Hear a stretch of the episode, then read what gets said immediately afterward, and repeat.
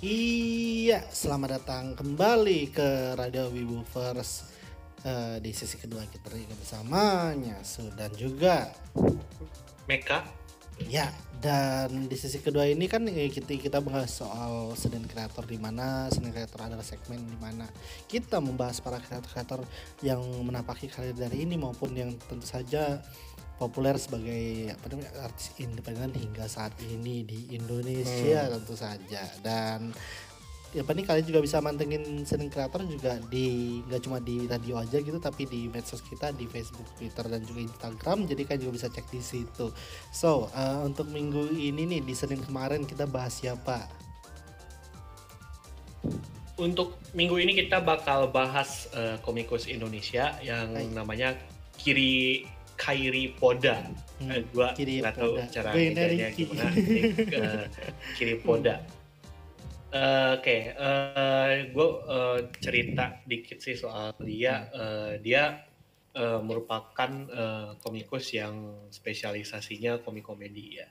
Uh, pertama dia uh, publish komik di Facebook itu judulnya Ngwiksi Babi. Mungkin ada yang pernah dengar namanya Ngwiksi Babi itu iya. benar-benar cukup tua ya komiknya. Ah. Kemudian uh, itu tahun 2013 ya. Terus kemudian di uh, tahun kemudian 2014 dia jadi ilustrator di uh, antologi cerpen dari Well Done Production judulnya Hirologi. Uh, itu di situ uh, kiri poda gambar uh, buat dua cerita ya, satu Spiderman, satu lagi Spark of Reminiscence. Kemudian uh, kiri poda sendiri namanya mulai benar-benar gede itu setelah ia dia bikin komik yang judulnya Si Timun tahun 2017. Itu komiknya awalnya di diikutin ke lomba uh, komik uh, GJUI 23 ya yang diadain sama Mangamon dan di sana dia dapat juara ketiga.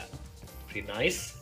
Kemudian uh, pop, uh, Timun ini potensinya cukup gede ya sampai uh, di uh, dibikin serialisasinya ya di Ciao Comics. Hmm. Sudah tutup tanggal 1 kemarin rest in peace.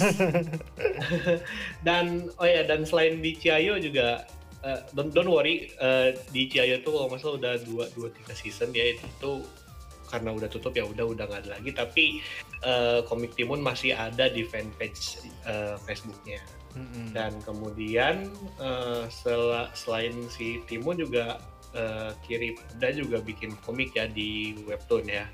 Pertama dia bikin uh, komik uh, di kanvas ya judulnya Freakamore.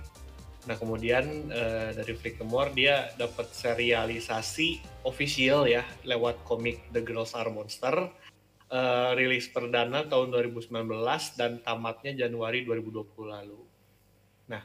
Uh, kemudian uh, Kiripoda juga dia punya uh, kayak proyek uh, kayak one off gitu ya. Dia itu pernah kolaborasi uh, bareng Pionicon dan studio anime Asahi uh, Production di Spectra Project ya kalau nggak salah. Spectra Project itu isinya tiga komik yang lucunya ilustratornya beda-beda tapi penulisnya Faza Meong Pionicon. Oh iya, kalau kalau kiri poda dia kebagian bikin komik judulnya Azura and Minang Family ya. Of course ditulisnya sama Faza Meong sama uh, partnernya uh, Yahya M ya. Hmm. Nah, dan ini salah satu berita yang cukup exciting ya buat kiri poda dan juga kita sebagai pembaca. Jadi kayak belum lama ini uh, Kiri Poda sama Yukim Poi uh, ilustrator itu mereka bikin komik judulnya uh, judulnya Cinta Bukan Pemeran Utama yang diterbitin di Quiku ya buat lomba yang hmm. buat lomba webtoon yang ada di sana ya dan keren ya uh, Kiripoda yang nulis cerita Yukimpo yang gambar itu mereka berhasil dapat juara satu dan dapat hadiah 100 juta rupiah. Iya itu gila. bagi dua ya pasti bagi iya, dua. Iya bener soalnya kayak uh, justru ceritanya itu bukan komedi itu kan yang waktu Iya itu romantis kebetulan. Hmm. Gue belum sempat baca sih tapi kayak gue expect uh, uh, itu ceritanya bakal kayak ada komedi-komedi khasnya Kiripoda. Oh iya, pokoknya kita kita ngomong soal uh, style komedinya Kiripoda itu kalau buat gua agak dark sih ya. Mungkin ada pengaruh dari Nguiksi Babi ya, terus kayak dia kebawa ke Timun ya dan Timun. Timun tuh dia kayak kayak dekonstruksi kalau Tim Timun tuh itu dia apa namanya premisnya itu dekonstruksi cerita rakyat gitu ya itu kan hmm. si Timun kan aslinya ceritanya Timun Mas kan ya iya Timun Mas benar dan kan dan, dan Timun Mas kan mau dimakan sama si Buto Ijo ya hmm. nah plot twistnya adalah uh, emaknya si Timun si Timun ini dia ngelahirin si Timun tuh tanggal 29 Februari gitu ya jadi kayak yeah. si Buto Ijo baru bisa makan si Timun itu pas umurnya pas 66 tahun lagi gitu. Jadi ya kebetulan ya. ini tanggalnya salah. itu itu bener kayak itu kayak komedi yang nggak cuma dark tapi kayak cuma aja itu lu lu saah ya lu gitu kan iya bener itu formatnya kayak apa uh, tapi di apa nih kalau misalnya ton humornya juga dari dari isinya sendiri itu kan emang juga ini apa uh, humor yang tergolong kasar tapi ya efektif efektif juga hmm. sih gitu loh. Hmm. Kalau misalnya gue bilang Bisa. gitu ya, kalau saya di ceritanya hmm. apa Timun jadi kayak uh, rata-rata itu di, apa nih setiap kali ada penyampaiannya itu ya in your face banget gitu kan ya in your face banget jadi ya bahkan ya kalau misalnya nggak lihat tuh lihat tuh itu Timun beler tuh gitu gitu rata-rata isi komedi yeah. loh Hmm. Oke. Okay. Nah, anyway, uh, kalau misalnya mau apa mau mau support uh, Kiri Poda, dia ada halaman traktir sama Karya Karsa. Itu kalau di hmm. Karya Karsa bakal ada komik eksklusif ya dan kalau misalnya lu patron di level tertentu bisa ikut ngasih ide juga buat ceritanya ya.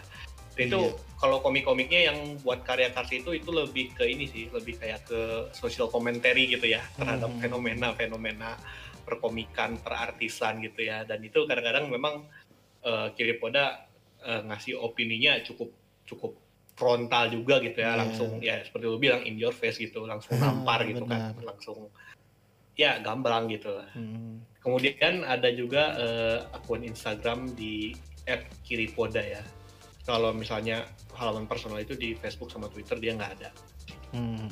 Ya, mungkin lo ada ada lagi nggak yang pengen disampaikan soal kiri poda? Dan tentunya kalau untuk kiri poda itu uh, apa nih abis dibahas di Senin Treter Treter kemarin gitu kan ya abis dibahas di Senin hmm. kemarin gitu kan ya si ini apa si podanya sendiri itu baru nge-share juga kan gitu kan terus baru nyadar hmm. kalau dia punya baru dia masih punya akun traktir baru nyadar kalau dia masih punya yeah. akun traktir gitu makanya langsung wah nah bawaannya okay. gitu uh, uh, dia hmm, dia oh ya, gimana nah, ya uh, Poda juga sempat PM gue juga sih buat uh, bilang terima kasih gitu udah di fitur juga sih ya.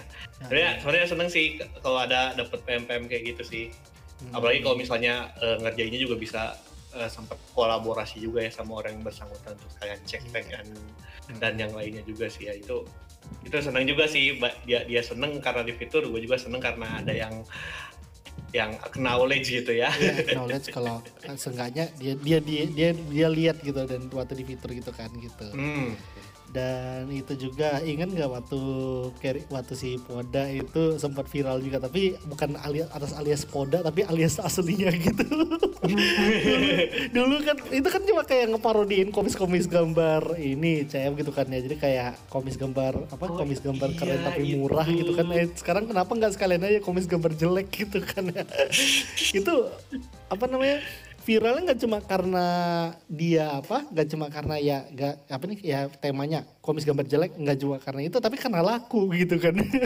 Makanya gue gue kayaknya pernah pernah komis juga sih ke dia waktu itu atau gue komis ke Inan ya waktu itu ya. hmm, gue lupa. soalnya kan itu kayaknya kayaknya Inan, deh Inan, Inan. Inan juga Poda Inan, juga. Inan juga bikin iya iya bener. Iya iya gue gue keinan gitu komisi hmm. bikin gambar Mecha Satria yang jelek dong. Itu kan.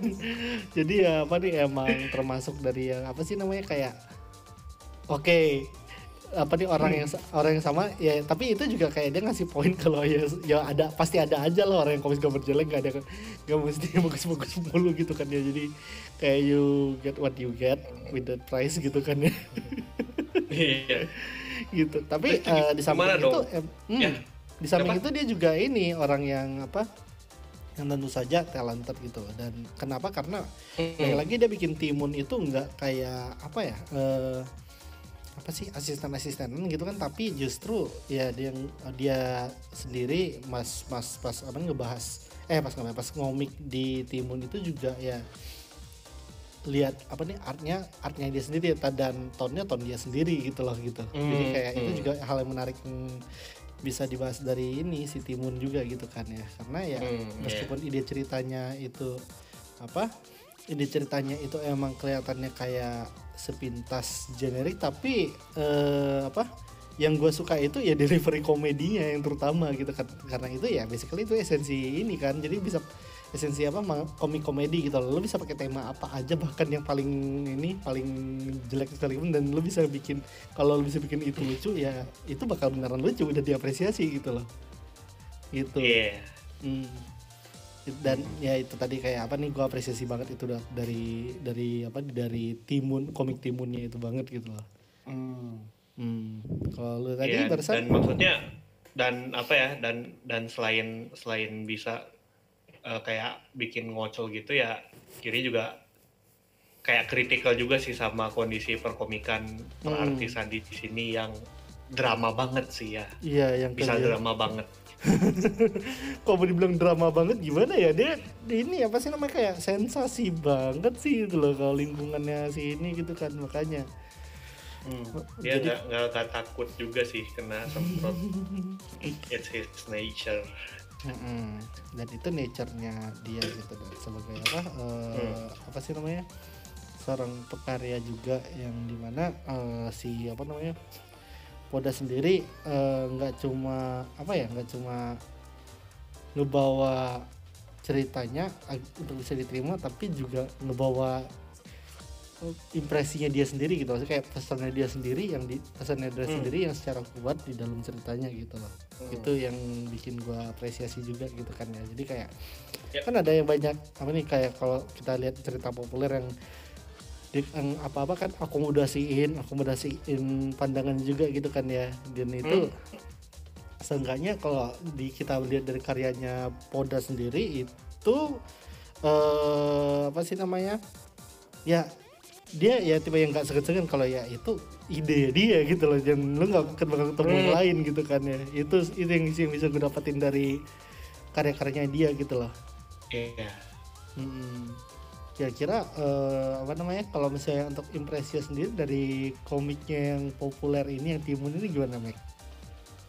Uh, uh, yang populer ya suka hmm. sih maksudnya ya gue suka gambarnya juga ceritanya juga gitu ya. It's it's maksudnya eh, nggak uh, nggak nggak terlalu berat untuk dicerna juga sih kalau kayak si Timun hmm. ya dan uh, itu asik asik sih buat diikutin. Dan oh ya ini ini gue lupa mention juga nih.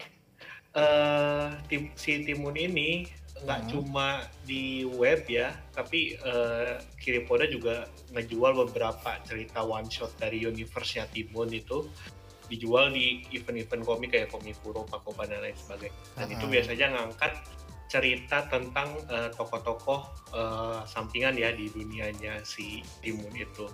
Misalnya uh bawang merah, tapi kadang-kadang ada cerita sentral si Timun juga dan kawan-kawan. Uh, jadi kayak kan kayak hmm. keong emas, bawang putih sama.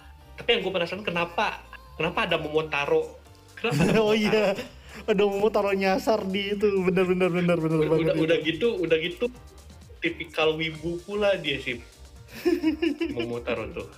Kayak kayak ini kayak kayak, kayak gue baca ini baca Flick Royal terus dia ada ada ninja ninja wibu gitu tuh kayak kayak tiap tiap apa tiap tiap tiap datang tuh Aisatsu dulu gitu. Hmm, kayak Ninja Slayer. Lebih kayak Ninja itu kan kayak callback bukan callback sih kayak homage-nya ke ini ya ke apa Ninja Slayer gitu kan ya. Dan hmm. apa namanya waktu hmm. jualan juga ini kayak waktu jualan itu uh, si apa namanya si podanya sendiri itu kan waktu itu satu, circle sama Inan, Fei dan teman-teman gitu kan ya. Iya, iya benar kan. Dan ini kan tetanggaan sama kita tuh.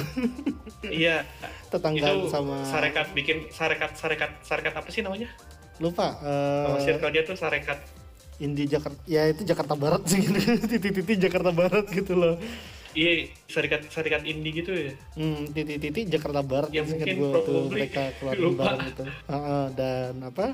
Udah. Ya itu mejanya sebelah sebelahan dong atau gue jualan di CF juga itu. Iya. Uh, kita kita deketan juga sih dulu hmm. uh, apa sama Rima Warna juga deketan. Iya, deketan deketan juga berjajar gitu kan ya dan apa namanya? Hmm. Tentu saja kalau misalnya tadi kan ngobrolin soal ini nih soal apa uh, Kirepoda yang kebetulan juga nggak cuma jualan karya di apa uh, di, di apa di online juga kan kan ya melalui ini platform kayak karya karsa dan juga traktir tapi juga di dunia hmm. nyata melalui event yang kebetulan eventnya pada ini semua ya karena covid pokoknya itu cuma ya apa ngomong-ngomong soal apa event juga gitu kan ya gue sebelum ini sebelum gue lanjut ke ngomong soal circle soalnya soalnya jadi kayak uh, begitu kita ngomong soal ini event juga katanya bakal ada ini beri kayak breaking news juga satu lagi gitu ya.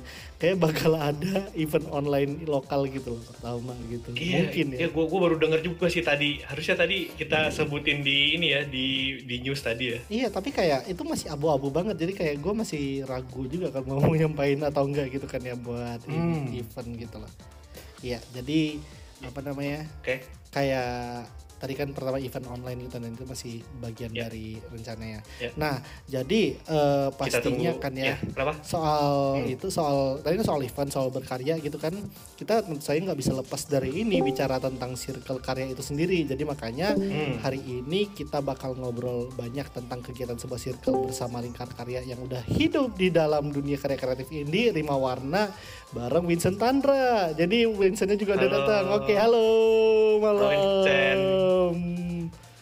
Tes, tes, tes. Cakep. Ya, halo, kedengeran. Cakep kedengeran. Iya, internet gue lagi jelek nih. Halo, halo, halo. Halo. Dan apa namanya? Yeah, yeah. Ya, nama juga lagi corona sih, jadi kayak internet juga wajar kalau misalnya ada ada ini ya providernya ih. Hmm. halo, halo, halo, halo, hmm. halo, halo, tes, tes, ya. satu, dua, tiga. Iya, iya, kedengeran, kedengeran. Oke. Okay. Dan apa? Halo, halo ngomong-ngomong soal itu tadi ya yang kalau apa uh, ya tadi apa sih ngomong soal circle dan karya itu udah pastilah gitu dan uh, tentu saja saat ini kan ya, ya uh, di dalam warna kita bakal nyegali insek dari circle lima warna itu sendiri bersama Winston gitu jadi uh, apa namanya pertama-tama nih perkenalan dulu nih dari Winston kira-kira gimana Hmm. Uh, bentar, bentar. Uh, oh, ini su suaranya udah bener belum nih? Udah bener ya. banget, udah pas bagus, banget. Bagus, bagus, bagus. Ya, oke. Okay. Hmm. Soalnya gue dari HP. Oke, okay. ya. Uh, jadi di sini nggak boleh ngomong jorok ya? Gak boleh. Sebenarnya kayak apa nih kan ntar nanti okay. sebentar disclaimer uh, dulu. Yeah. Disclaimer dulu San, disclaimer dulu kalau iya, misalnya yeah, yeah. entar nanti kita pakai ngomong kata kasar, entar nanti kita di itu di demonetize sama YouTube. Oke, silakan. Oke, ya, ya. Oke, ya, oke, kenalin gue Winston, Winston Pandra. Jadi udah uh, ngepalain kali ya istilahnya, anaknya ngepalin Rima Warna hmm. selama like, I think five years, I think ya lima tahun. Dan sebenarnya dari uh, akarnya Rima Warna sebenarnya uh, sebenarnya udah jauh lebih dari itu. Cuma ntar ya it's a it's a story for ya habis inilah. Ya. Yeah persis banget intinya sih itu sih jadi dis, dis, uh, disclaimer dari gue gue nggak gambar gue nggak menulis gue ngedit gue ngedit tulisan hmm. uh, ya jadi posisi gue di sini basically di Rima Warna adalah sebagai tukang teror tukang teror deadline. eh, tapi itu CV-nya project manager kan emang gitu, tukang teror project manager mah. Iya. Iya. Oke, ya, jadi uh, begitulah. Hmm, hmm. benar. Dan ya udah kalau gitu kan tadi barusan juga ngomong nih kalau misalnya apa nih sebenarnya Vincent dan Riwa Warna juga sebenarnya punya a long history way back gitu kan ya. Jadi kayak Riwa Warna sendiri kan itu lahir dari kolaborasi berbagai kreator independen. Kalau kisah lahirnya sendiri itu asalnya dari mana gitu? Uh, sebenarnya Oh, ini gimana ya gue jelasinnya? Hmm. Uh, tanda kutip embrionya Rimo Warna itu lahirnya itu dari Kaskus. Jadi hmm. tahun 2012 dulu kita ini uh, eh, 2012 itu menurut gue kalau misalnya gue bakal nulis satu artikel atau ya apa pun lah untuk hmm. sebuah nulis sebuah nulis sebuah penelitian atau gimana 2012 menurut gue adalah seminal year tahun yang benar-benar penting untuk jagat jagat inilah jagat jagat Jepangan di Indo karena satu eh, yang menurut gue paling paling paling ini paling ini paling paling jadi tanda tandanya itu AFA pertama AFA 2012 ah, iya, Festival Asia. Hmm. Uh, ya, uh, jadi kita dulu kan uh, waktu kita di Kaskus dan ini saat Kaskus masih relevan, sekarang kan udah enggak. uh, jadi apa? Uh, gua dulu mainnya di ini di AMH, hmm. Anime manga Heaven. Heaven Heavennya itu sebenarnya adalah bentuk apa ya? Bentuk sensor Ya, ya itu, lu, lu, lu, ya itu. lu ngerti lah haknya sebenarnya uh, apa ya. Haknya itu ya. hak. Untuk gitu. untuk menghindari UIT. Iya. ya, jadi jadi dari dari ini dari apa? Dari AMH-nya sendiri uh, forum dari AMH-nya sendiri kan sebenarnya itu banyak banyak subforum kan. Jadi ada hmm, hmm. seperti namanya sendiri uh, eh, AMH, ada subforum anime, ada subforum manga, dan ada satu lagi yang mungkin inilah uh, lahirnya belakangan. Namanya ini uh, fan staff. Oh, fan staff. Fan staff itu seperti namanya. Hmm. Iya, hmm. isinya fan staff. Uh, segala sesuatu yang berhubungan dengan fan staff. Hmm. Jadi di situ uh, anak-anaknya pada nulis fanfic, yeah. uh, gambar. Banyak kan sih emang fanfic sih yang yang namanya forum kan forum, ya, berba ya. berbasis teks kan ya. Ah, iya, Pada akhirnya lebih banyak yang nulis nulis nulis ini nulis fanfic seiring berjalannya waktu uh, yang nulis-nulis fanfic ini udah mulai menjajal nih ini uh, original fiction dan segala macam. Nah, jadi uh, pas tahun 2012 itu dari kaskusnya sendiri, gue agak-agak lupa sih sebenarnya dari kaskusnya sendiri atau ini inisiatif dari petinggi-petinggi AMH-nya itu petinggi, sendiri. AMH, petinggi AMH-nya deh, kalau salah. Petinggi petinggi AMH-nya itu yeah. mereka uh. ini pengen pengen pengen ini nih pengen bikin booth nih di ini di avanya itu. Nah, eh, otomatis kalau kita buka booth di situ kita kan mesti ngebawa sesuatu kan. Iya. Nah, benar. ditanya ini ke ini ke member-member forumnya yang lain itu. Uh, kal kalian mau bikin ini nggak semacam circle atau gimana? Jadi circle-nya ini ntar kita uh, karya-karyanya bakal dipamerkan di AVA itu, AVA 2012 itu. Nah, terbentuk dari situ sebenarnya circle-nya circle-nya itu namanya Atelier AMH. AMH. Atelier hmm. AMH. Jadi Atelier hmm. ada AMH di belakangnya. Iya. Nah, sebenarnya eh, tahun-tahun itu kita emang karena basisnya di defense staff dan lebih banyak penulis, hmm? kita emang banyak kan karyanya itu ya karya tulis ya kayak buku-buku cerpen atau ya semacam itulah. Dan ah, emang iya, waktu iya. itu kita juga relatif krisis krisis ilustrator kasar. Sekarang malah malah banyak ilustrator hmm. nah uh, kita jadi bagian dari AMA selama like sampai uh, inilah sampai uh, adventnya Facebook di Indo. Berarti, kan perlahan-lahan kan ya uh, Facebook dulu kan ya begitu banget kan simple banget kan. Sekarang uh, kan kayak udah bagian yang nggak terpisahkan lah dari hidup orang. Dan hmm. perlahan-lahan kaskus sendiri kan kalian tahu kan mulai, mulai sepi mulai sepi.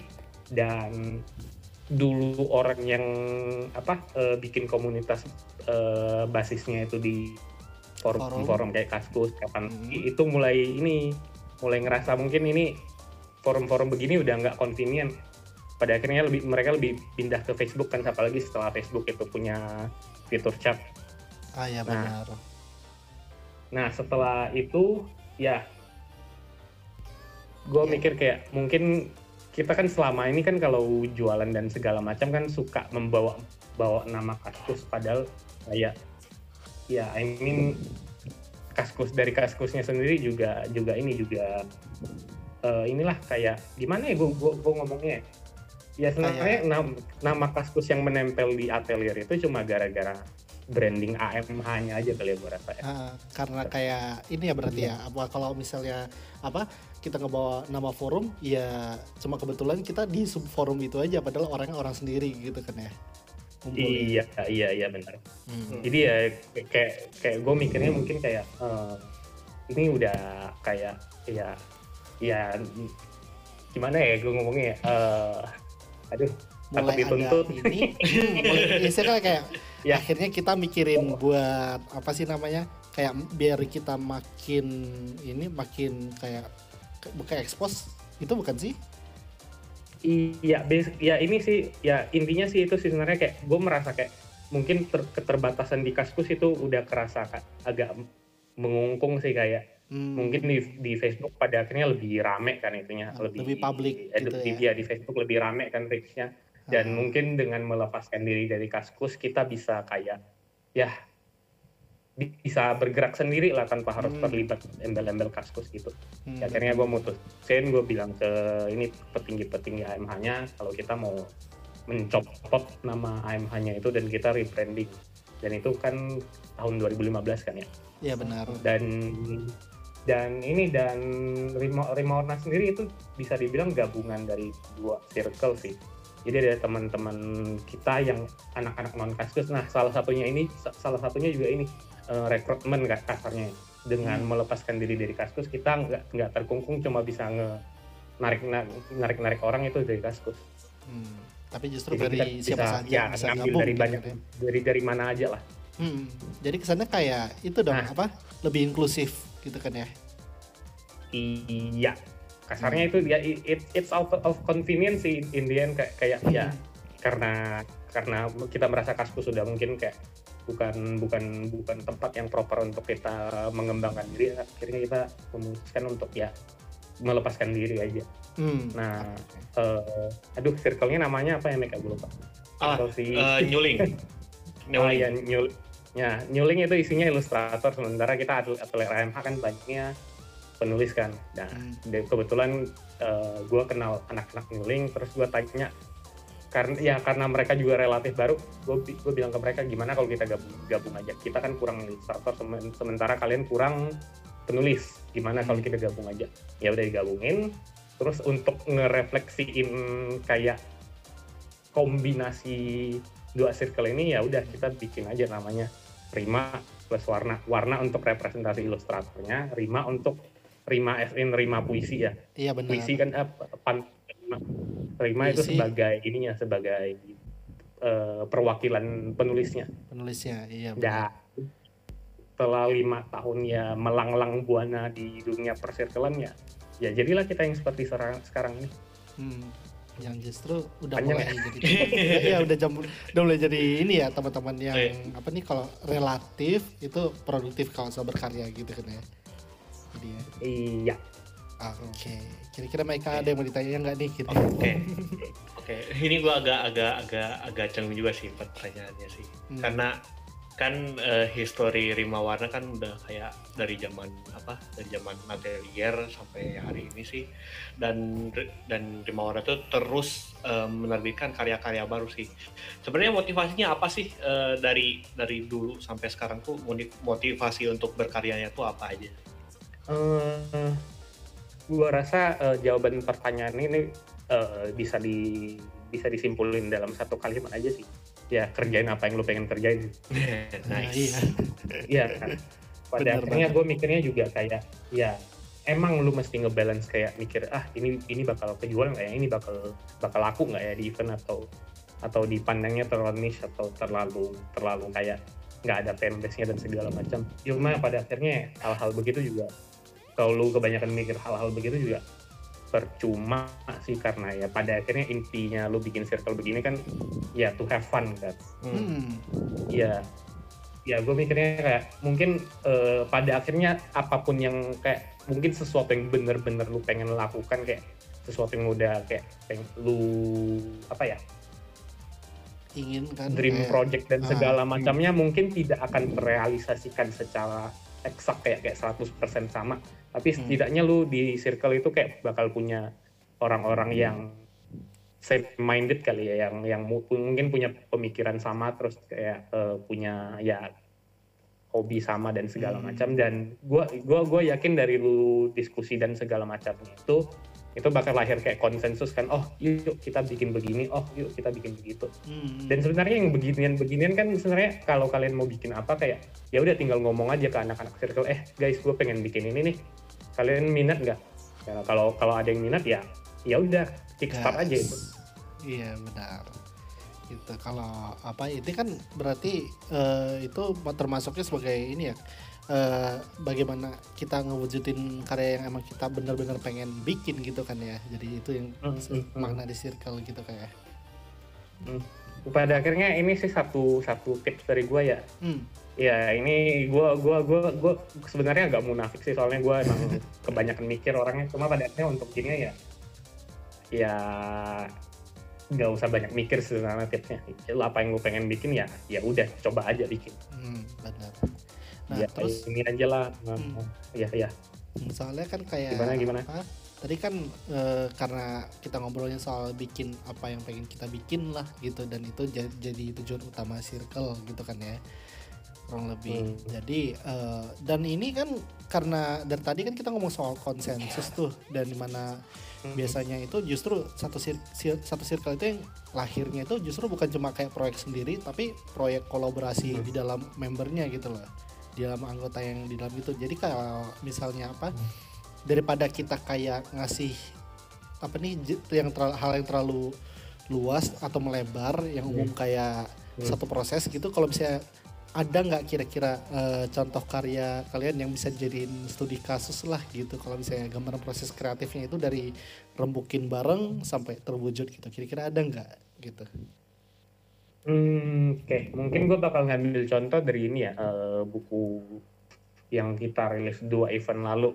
namanya hmm. Viva. Itu adalah buku ini, Zin City Pop, City Pop ini City Pop Jepang. Dan ini gue gua akuin itu salah satu yang paling ini sih paling apa, relatif paling paling paling PR banget lah, paling repot banget lah ngerjainnya hmm. karena uh, risetnya kan banyak kan hmm. dan ya nulisnya juga panjang dan uh, gua sama Meka yang nulis kan juga bukan bukan musisi kan jadi mungkin ada kayak yeah. beberapa bagian yang kita mungkin terasa agak-agak sotoy dan itu hmm. lumayan bikin gua nervous sih pas nulisnya hmm, Yeah.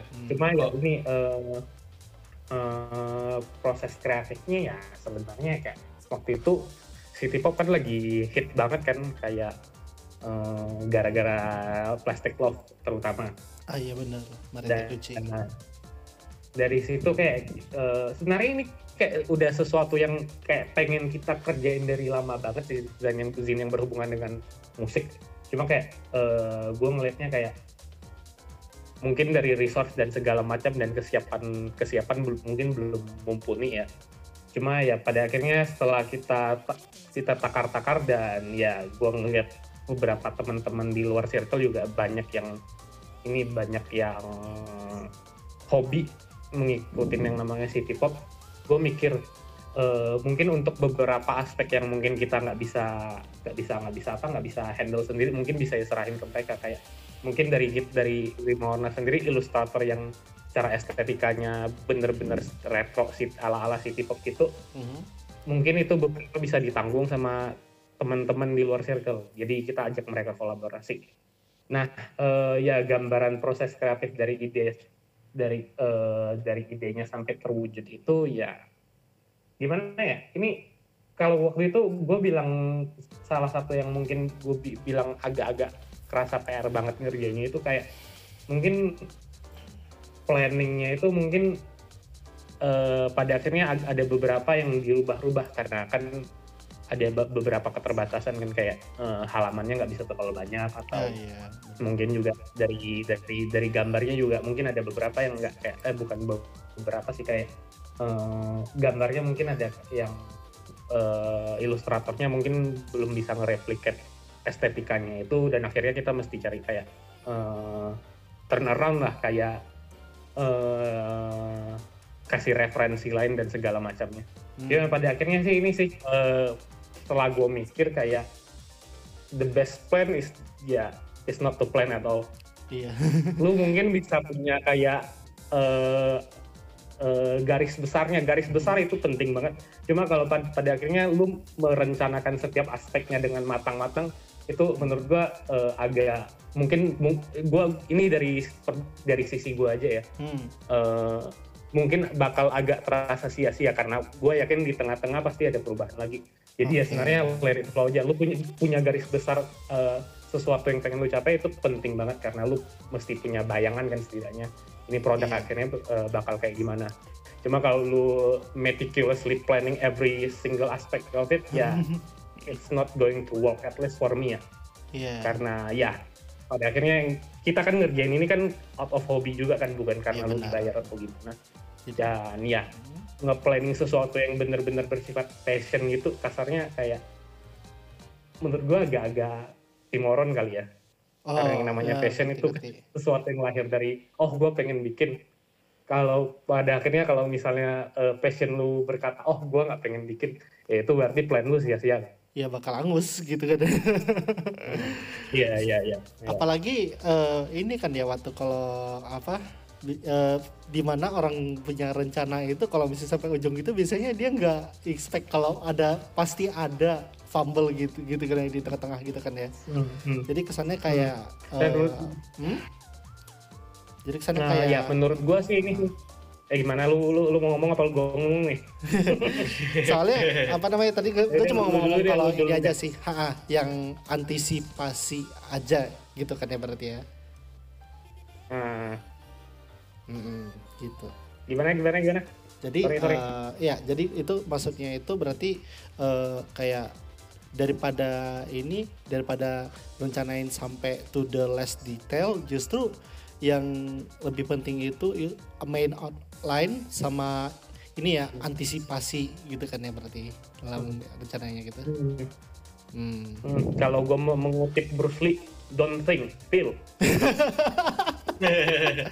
ya nggak salah bener bener bener banget gitu karena ya dia kan udah terbiasa uh, apa sih quote yang satunya lagi tuh fear a man was practice a thousand kicks but practice one punch a thousand times gitu lah Hmm, karena dia iya. antisipasi. Iya. Sebenarnya gitu kan, gue juga memandang kayak kau lu ngeplanning segala sesuatu sampai hmm. detail-detail kayak uh, bagian ini harus begitu, bagian ini harus begini itu kayak uh, kayak lu overcommit juga sih yang namanya overcommit kan ya lu kayak menjanjikan hal-hal yang mungkin lu nggak bisa capai baik ke diri lu sendiri sama ke orang lain kan dan yeah. pada akhirnya kalau itu nggak tercapai yang yang sakit kan lu, lu sendiri juga. Hmm, hmm, hmm benar. Benar banget. Jadi ya intinya ya ya udah kerjain aja sih nggak jangan jangan terlalu banyak mikir aja. Toh ini yang yang namanya kerjaan hobi kan ya kerjakan seperti yang lu ini aja seperti yang lu inginkan aja. Kalau nggak bisa capai ya cari turnaround atau gimana nggak perlu harus kayak stuck stuck dalam satu mindset begitu aja. Hmm, benar benar Anjir, gue tulis self help book aja kali ya. ya depannya gitu kan ya tulisannya Winston Tandra gede-gede gitu terus gambarnya orang yang ini apa ngelipat tangan kayak TV sport gitu. kayak ini kayak apa kayak buku tung udah semua ringin gitu. Enggak gitu juga. Oke, okay, Meka. Oke, oke. Okay. Kemudian tadi kan udah sempat mention di Viva itu kolaborasi sama beberapa ilustrator tamu, tapi uh, beberapa karya Rimawana juga kerjasama bareng circle lain. Misalnya Toshimoto bareng Auto hmm. Merchant sama uh, Get Hype ya bareng Scroll Down Comics dan beberapa hmm. ilustrator dan komikus uh, yang kawakan lah katakanlah ya. Hmm, Kemudian hmm, hmm. pertanyaannya seberapa penting sih kolaborasi antar circle dan bagaimana cara agar kedua circle bisa in sync dalam membuat karya tersebut? Hmm, ini ya mungkin gue pengen ngomong juga sih banyak banyakin kolaborasi aja sih. Hmm. Uh, uh, kayak uh, how to how do I say it's actually very very easy to collab like rata-rata kolaborasi yang dilakukan Rima Warna itu komunikasinya kayak ya gue cuma nge-approach salah satu membernya terus gue tanya coy kolaborasi yuk udah gitu aja terus ya, uh, ya. maksudnya kayak ada reservation gitu nggak sih dari dari yang kita ajak kolaborasi gitu? Misalnya uh, mau ikut sih tapi kayak pengen tapi kayak aduh kayak gimana gitu? Hmm. Ya sebenarnya pada akhirnya ya biarpun gue ngomongnya kayak saya enak perut tadi kayak sob kolab yuk. Uh, ya. Cuma pada akhirnya ya lu nggak bisa nge-pitch ide asal seasal perut lu juga. Lu harus emang kayak perhatiin juga latar belakang mereka gimana okay. kayak ya Kalau misalnya yang automation itu kan bener-bener strictly berhubungan sama otomotif kan, kan nggak hmm. mungkin lu lu apa mau bikin uh, uh, ini artbook otomotif lo malah nyarinya ke circle Yuri. Iya, yeah, yeah. bisa juga sih. Nah, nah, nah, ya, uh, ya tadi sih kalau ditanyain betapa uh, gimana seberapa pentingnya kolaborasi kayak gue ngerasa ini yang hal-hal hal-hal seperti ini pada akhirnya ya simbiosis mutualisme sih. Nggak ada yang dirugikan gue rasa. Karena lu sama lu lu uh, uh, kayak uh, workloadnya kan dibagi dua hmm. setengah pegang ini setengah pegang itu. Dan kalian promosi promosinya juga bareng dan kayak uh, audiens audiens sebelah mereka bisa ke expose sama kerjaan kita sama dan audiens kita bisa ke expose sama kerjaan orang ya apa circle sebelah juga. Ini kayak ini ya mutualisme sih menurut gue nggak ada kerugiannya. Ya jadi kalau ditanya seberapa penting kolaborasi itu ya menurut gue gue gue gue nggak bisa menjawab kepentingan atau tidaknya ya. Tapi itu sangat bermanfaat sih menurut gue hmm. ya lu, lu uh, ini mungkin agak-agak terlalu jauh sih gue meng menghubungkannya. Kayak yang namanya yang namanya kolaborasi begitu kan udah sangat-sangat lumrah lah lu lihat aja di musik gitu. Yang kolaborasinya udah sampai jauh-jauh banget itu uh, audiensnya kayak ya apa band-band K-pop Korea sama ini sama musisi-musisi dia sampai gitu. Iya, dan lu lu dari dari situ lu juga bisa ngegenerate hype sih kayak oh dari apa dari audiens sebelah ini tahu tahu kalau apa uh, artis artis mereka itu bakal collab sama artis lain nih. Dan itu jadi kayak ngegenerate buzz juga sih menurut gue sih. Kayak hmm. ya audiensnya sama-sama ke expose ke sesuatu yang baru. Benar jadi kayak double the expose double the fun gitu kan jadi iya iya oke lalu uh, ini tadi kan udah ngomong soal apa nih kolaborasi antara member maupun juga kolaborasi yang ini di luar bahkan dari lima warna sama circle lain gitu kan ya. Cuma ini kan selagi di pandemi gini kan event kan makin online termasuk yang baru-baru ini di FB itu katanya bakal ada event apa online gitu. Tapi sementara masih apa nih saya masih gaung-gaung gini gitu kan ya dan di mana orang masih pada di rumah gini kira-kira ada kegiatan nggak sih yang lagi dijalanin Rima Warna saat ini gitu lah Hmm, oke. Okay. Uh, eh, actually kita sekarang ada tiga proyek aktif.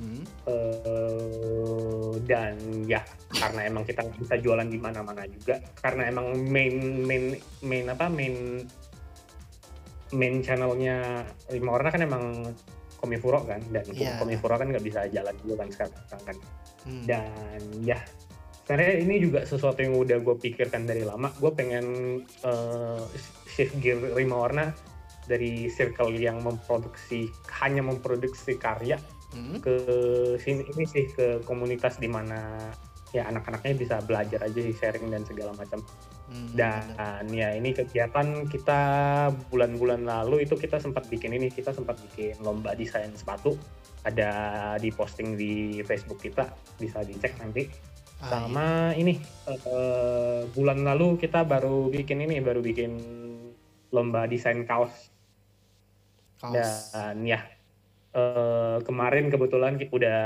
dijuriin hmm. dan hasil hasilnya ntar bakal kita posting mungkin weekend ini kalau nggak mager Oke, okay. kalau nggak mager. ya, tapi itu bareng sama ini nggak sih sneakers? Tapi sneaker masih jauh kan ya berarti ya? Itu deadline-nya. Gimana gimana sorry? kan uh, tadi kan t-shirt kalau t-shirt kan sekitar weekend ini rencana itu sama stiker atau stiker masih masih ini lagi masih jauh lagi itu sorry kok kok kok stiker sneaker oh stiker stiker uh, uh. hmm. Ya gimana gimana jadi kan, pertanyaannya gimana?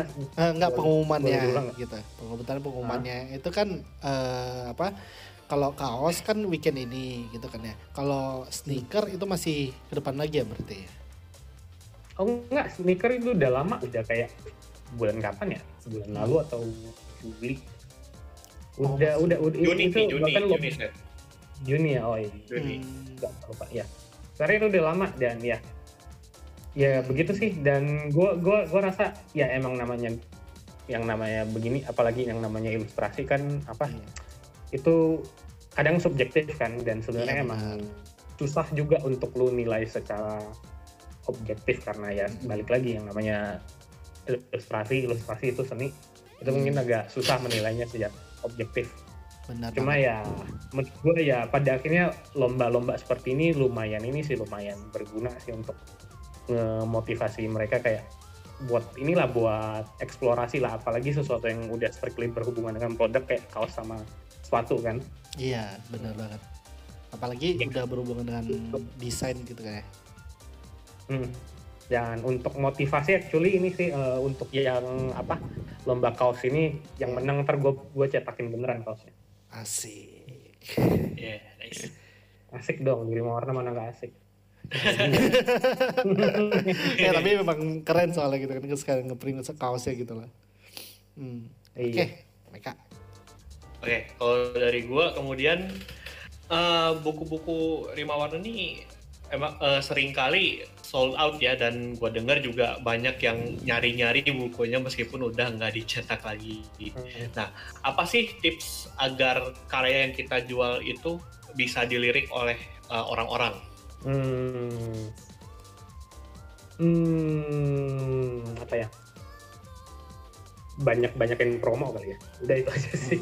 Hmm, iya sih. Sama kalau sama kalau ditanya kenapa sering sholat ya karena kita nyetaknya seperlunya aja kita kira-kirain yang beli bakal segimana terus kita juga nakarnya yang pre-order segimana. Dan sebenarnya menurut gue pre-order itu adalah metode yang sangat bagus sih. Uh, kan tadi ditanyain juga kan gimana sih karya karya karyanya apa uh, bisa dilirik. Ah benar. Gunain PO menurut gue adalah salah satu takaran yang baik sih untuk mengukur seberapa banyak sih yang minat sama kalian itu. Dan hmm. ya aktif-aktif aja promosiin kayak lu udah kerjain susah kok lu diem-diem aja soal kerjaan itu banyak-banyakin promoin aja. Iya. Hmm, kalau perlu banget. ya kalau perlu ya kalau ada teman kantor yang ibu ya, ya udah. Mau nggak lu nggak lu beli? Diracunin gitu kan ya berarti ya. Soalnya ya di mana apa gue bisa setuju juga kayak apa kalau metode pre-order itu efektif banget. Soalnya nanti sisa waktunya itu bisa dipakai buat jor-joran ini ngebag ngebanyak-banyakin yang mesen gitu lah. Dan itu ya memang benar hmm. proses yang fun. Gitu menurut gue. Iya. Nah tadi kan itu hmm. soal jual karya sendiri itu karya apa nih yang kayak gimana sih bisa bisa dilirik gitu kan ya. Tapi kalau ngomong-ngomong soal apa uh, rencana gitu kan ya. Kira-kira ada rencana di masa depan nggak gitu bareng lima warna sen? Kalau misalnya pun ini ya kalau pun sih kayak tadi kemarin-kemarin udah ngomong tadi ngomong, soal yang karya kayak karya tulis atau bahkan sampai hmm. event gitu sendiri kira-kira ada rencana yang serupa nggak sih gitu yang pengen dibagiin di masa depan? Gitu. Nggak ada. Belum ada. Belum ada, ada. tapi ya berarti itu hitungannya ini kan ya berarti apa kayak coming soon banget gitu. Iya, iya, iya. Kalau ya masalah rencana begitu ya balik lagi ke ke ucapan gue tadi sih. Hmm. Uh, lu jangan nggak nggak bikin rencana yang bener-bener eksak banget. Kalau lu hmm. punya out outline-nya ya itu bagus. Cuma kalau lu merencanakannya se sedetail dan segimana mungkin, apalagi ya menurut gue pribadi iya. hobi itu sebaiknya tidak di, di apa lu, lu sebaiknya tidak overthinking soal hobi lu hmm. dan ini lima warna kan sebenarnya ya hobi juga kan hmm, benar ya rencana di masa depan sorry lu boleh ribu uh, ulangin pertanyaannya gak? Ya, mungkin enggak, maksudnya itu kayak gini jadi punya rencana di masa depan bareng Rimo warna yang ingin dibagiin nggak misalnya nih kayak kalau ada lagi pengen hmm. lagi moodnya pengen ngapain sih gitu ntar nanti tahu-tahu bikin apa gitu kan ya. Jadi hmm. itu kira-kira ada nggak sih? Gitu. Hmm. hmm ya nggak ada karena gue nggak punya. Ya, aja sih. eh tapi bener. Bener banget soalnya kayak tiap kali ya, apa nih dari hmm bener. Jadi kayak apa namanya bercermin dari circle gue sendiri juga ya gitu. Kalau hmm. pas abis abis bikin ini kan nanti abis ini mau bikin apa? Nggak tahu gitu. Jawaban pertanyaan gue ya gue pun juga pengen mengalamati sesuatu sesuatu sih mungkin terima warna uh, terkadang terlihat agak-agak strict dan ya mm. ya gue tidak ini gue tidak menam hal itu karena gue gue orang gue orangnya sendiri juga sangat-sangat demanding mm. dan gue ada standar-standar khusus yang emang gue ya proyeksikan saat gue udah minta lu buat ngerjain sesuatu yeah. tapi ya pada akhirnya secara garis besar ya semua yang kami kerjakan ya gue rasa ya pada akhirnya emang adalah hasil konsensus sih kayak oh kita hmm. pengen bikin ini ya udah kita bikin ini hmm. dan sesuatu yang ses pikiran yang semacam oh kita pengen bikin itu kan se sebenarnya sesuatu yang datang relap relatif spontan ya iya benar itu dan ya, untuk direncanakan kayak oh kita pengen kita bikin ini uh, bikin kita bikin ini terus tahun ini bikin ini terus tahun ini bikin begitu menurut gua ya itu bakal jadi kayak ini sih lu nge-set ngeset deadline yang mungkin lu sendiri nggak bisa penuhin karena sekali lagi ini adalah sesuatu yang berhubungan dengan hobi iya. dan ya pada akhirnya hobi adalah sesuatu yang sebaiknya tidak terlalu di tidak tidak di overthinking hmm, yang tidak menjadi beban gitu kan ya berarti ya hmm. outline hmm. overall yang gitu nah kira-kira nih ada pertanyaan terakhir nggak dari Meka Oke, okay, uh, eh, last dari gua ya. Nah, menurut Vincent sendiri, seperti apa sih circle kreatif yang baik itu? Hmm. Hmm, gimana ya? Uh, mungkin gue mau ngasih ini dulu ngasih insight atau kesokoyan gue, gue nggak tahu. Uh, hmm? Menurut gue circle circle dan gue gue nggak bisa cuma bilang circle mungkin secara garis besarnya komunitas komunitas komunitas komunitas begitu hmm. itu penting untuk ini penting sih untuk apa anak-anak yang ya inilah yang ilustrator penulis desainer dan segala macam karena ini pada akhirnya orang berkarya itu untuk dikasih lihat ke orang lain. Ah. dan dia emang hmm. em, itu adalah ekspresi diri sendiri. Tapi ekspresi ekspresi diri sendiri percuma kalau nggak ada yang melihat kan pada akhirnya. Ah iya benar. Dan komunitas komunitas seperti ini adalah kayak inilah kayak audiens pertamanya lah. Lu bisa sharing ke apa uh, sharing ilustrasi lu terus mereka bisa point out kekurangannya dan segala macam hmm. sebenarnya itu hal-hal yang sangat penting sih untuk namanya perkembangan diri hmm. ilustrator hmm. begini dan ya harapan gue sih Rima Warna sih bisa menjadi menjadi menjadi menjadi tempat itulah untuk anak-anaknya itu gue gue ya hmm. uh, karena ya ini pada akhirnya ya lu kan ini kan apa namanya circle kayak Rima Warna itu kan uh, adalah kumpulan orang-orang yang kebetulan apa hobi dan hmm merasa mereka bikin bisa bikin sesuatu dari dari dari ini dari hobi mereka tersebut. Ya ini iya, aja benar, sih menurut gua aku akomodir aja uh, apalagi sekarang kan juga uh, dalam beberapa tahun belakangan ini kan ilustrator yang benar-benar kayak uh, homegrown gitu ya kan makin banyak kan di Indo kan. Iya, dan bariernya bariernya juga ada makin makin ini makin makin apa makin naik. makin tipis Oh? Lu sekarang bisa ngegambar di HP. Hmm? Lu sekarang kayak pakai apa? Pakai Ibis dan segala macamnya itu. Ah iya. Dan, dan ya sebenarnya yang paling penting buat mereka ini ya gue rasa adalah sebuah komunitas di mana dia bisa sharing sharing ini sharing apa karya dia dan segala macam hmm. dan menurut gue ini sih kayak uh, eh, gue secara personal bakal bakal sedih kalau ngeliat kayak uh, hobis-hobis ini uh, ini jadi kehilangan motivasi karena mereka tidak punya tempat untuk tanda kutip show off. Yeah. Dan ya ini sih ya, gue pengen meng pengen Rimora bisa mengakomodir itu. Dan hmm. makanya gue bilang tadi kan gue uh, gue ada kayak paradigma di kepala gue, gue pengen nge-shifting Rimorna itu tidak cuma sebagai circle yang jualan di Komifuro, tapi juga hmm. circle yang bisa jadi inilah komunitas di mana ya yang ilustrator bisa tahu WIP mereka, yang penulis bisa nanya-nanya ini hmm. ada bagian yang perlu edit nggak menurut kalian baca, uh, dibaca dibacanya agak aneh nggak? Ah, iya, ya sebenarnya benar. itu sih ya apa apakah itu udah tercapai sekarang gue nggak bisa nakar karena hmm. ya sebenarnya setidaknya dari diri gue ya gue mengusahakan pengen mencapai titik tersebut di mana ya ya teman ah, teman-teman diri Morna bisa inilah merasa di rumah lah kalau iya. uh, di circle ini. Iya benar. Ya begitu. Nah, dan apa namanya berarti okay. itu kayak uh, apa sih? Gak cuma sebagai kumpulan lingkar pekarya, tapi juga sebagai yang mengapresiasi karya itu gitu kan ya berarti ya. gitu ya oh, pada iya. akhirnya ya ya begitu uh, yang namanya ilustrasi penulis dan segala macam ya itu adalah bentuk ekspresi diri dan ekspresi diri kalau kalau nggak ada yang apa nggak ada yang melihat. nggak ada yang berikan respon ya itu sakit sih gua rasa sih karena pada akhirnya ya kadang apa deafening silent cuts deeper dan like hmm. kritik yang pedes. Kayak apa orang yang cuek itu itu lebih lebih sakit daripada kritik, kritik terpedas iya. Hmm. Jadi kayak apa uh, ya soalnya kayak nggak ada yang lihat gitu dong berarti kan ya tapi kalau misalnya ada yang melihat hmm. berarti ya ada orang di depan kita kita ngajak ngobrol jadi kayak berkarya itu sama seperti ngajak orang ngobrol gitu kan ya kalau mungkin gak ada yang lihat ya nggak ngobrol sendiri gitu kan kesannya dan itu iya. benar iya. disheartening banget gitu loh wah Baji deh. Udah. hmm?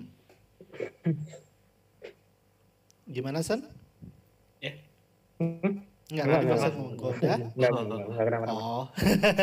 Iya soalnya itu yang hal yang paling gue apresiasi banget loh kalau di dalam circle sebagai gak cuma sebagai kumpulan kreator yang kebetulan lagi pengen bikin aja bikin aja gitu tapi mereka juga ketemu karena ya mereka suka gitu loh mereka suka sama karyanya gitu kan ya dan itu hal yang luar biasa banget dan terima kasih banget buat insightnya Winston sebagai uh, project manager, director dan juga leader dari Rima Warna okay. terima kasih Big banget gitu. soalnya ini kayak beneran insight dari itu kalau misalnya apa di dalam lingkungan kreator ini kan dari project manajernya berarti gitu loh itu perspektif yang diambil gitu. Dan itu sangat insightful banget bagi apalagi bagi teman-teman kreator yang juga udah punya circle dan terus udah punya apa nih karya tapi ya nanti nggak tahu ini karyanya atau idenya bahkan gitu mau dijadiin atau enggak atau apa namanya hal terbaik yang buat ide tersebut dia apain gitu kan ya di dalam waktu dekat ini terutama gitu kan ya. Nggak cuma kayak apa nih uh, ngomong bikin eh bikin apa bikin apa bikin apa tapi kayak eh suka enggak lo sama karyanya? Dan itu insightful banget yang kita dapat dari obrolan pada hari ini gitu loh. Dan terima kasih terutama sekali lagi Pak Winston untuk mampir ke radio kita malam ini. Apalagi kita udah ngomongnya sampai jam 11 gini. Iya. Uh, thank, nih Iya kebelet, thank you banget Vincent udah mampir yeah. sekarang sampai Desta. Dan tentu saja bagi teman-teman yang udah dengar radio, thank you. Dan tentu saja bagi teman-teman yang udah dengar radio, ya kalian bisa terus dengar episode episode episode ah episode episode keren kayak gini dengan itu traktir kita di platform traktir slash first. Itu aja traktir.id slash first. Dan juga bisa langganan ke update terbaru tentang Wibufers itu sendiri di dalam Patreon kita di patreon.com slash Wibufers sama W I B U V R S I itu di medsos kita. Akan juga bisa ikutin update-update kita in general dan juga termasuk Senin Kreator. Jangan lupa tuh di Facebook, di IG, di Twitter lagi kan gitu ya. Dan hal-hal keren lainnya. Hmm. dan tentu saja kan juga bisa ikut juga beruang di Twitter VTuber in-house kita itu di apa namanya kalau di Twitter ada tapi di YouTube juga siarannya gitu. Jadi kalian pasti kan kalian subscribe YouTube Wiboovers gitu lah. Supaya minimal kita bisa dapat goal total subscriber biar biar paling nggak bisa buka itu lah membership membership buat digabung. Hmm. terus uh, sama ya nanti kapan lagi mau dengar beruang yang bersangkutan ngomong supaca arigato. Jadi uh, iya kan? Jadi kayak super chat arigato nanti ini duit super chatnya kita donasiin ke virtual youtuber lain yang kebiasaan ntar kalau ketahuan nonton gitu. Tapi terima kasih banyak deh buat yang udah support yeah, kita yeah. sampai sekarang sampai hari yeah, ini sampai di detik kita bisa ngobrol sama Winston barusan ini. Terima kasih banyak banget buat kalian yang udah super baik Patreon uh, apa traktir bahkan sampai ke follow ke akun-akun medsos kita gitu terima kasih banget gitu loh dan tentu saja uh, untuk menutup siaran pada malam hari ini dengan gua nyasu dan juga bersama mereka di sini. Ya, terima kasih untuk mendengarkan dan di minggu depan gue udah fix sih, udah dapat hmm. orangnya dan ntar tinggal pertanyaannya doang. Tapi ini lagi-lagi berhubungan dengan dunia virtual youtuber. Tapi tapi ada Wah. tapinya gitu Siapa kali ini kita nggak ngomong sama VTuber ya tapi ngomong sama bapaknya gitu. Insya Allah Yago. Yago. Ya amin kan lah kalau itu Yago. Amin. tapi yang tapi untuk kali ini kita coba nyorot dari kehidupan VTuber indie dulu gitu lah.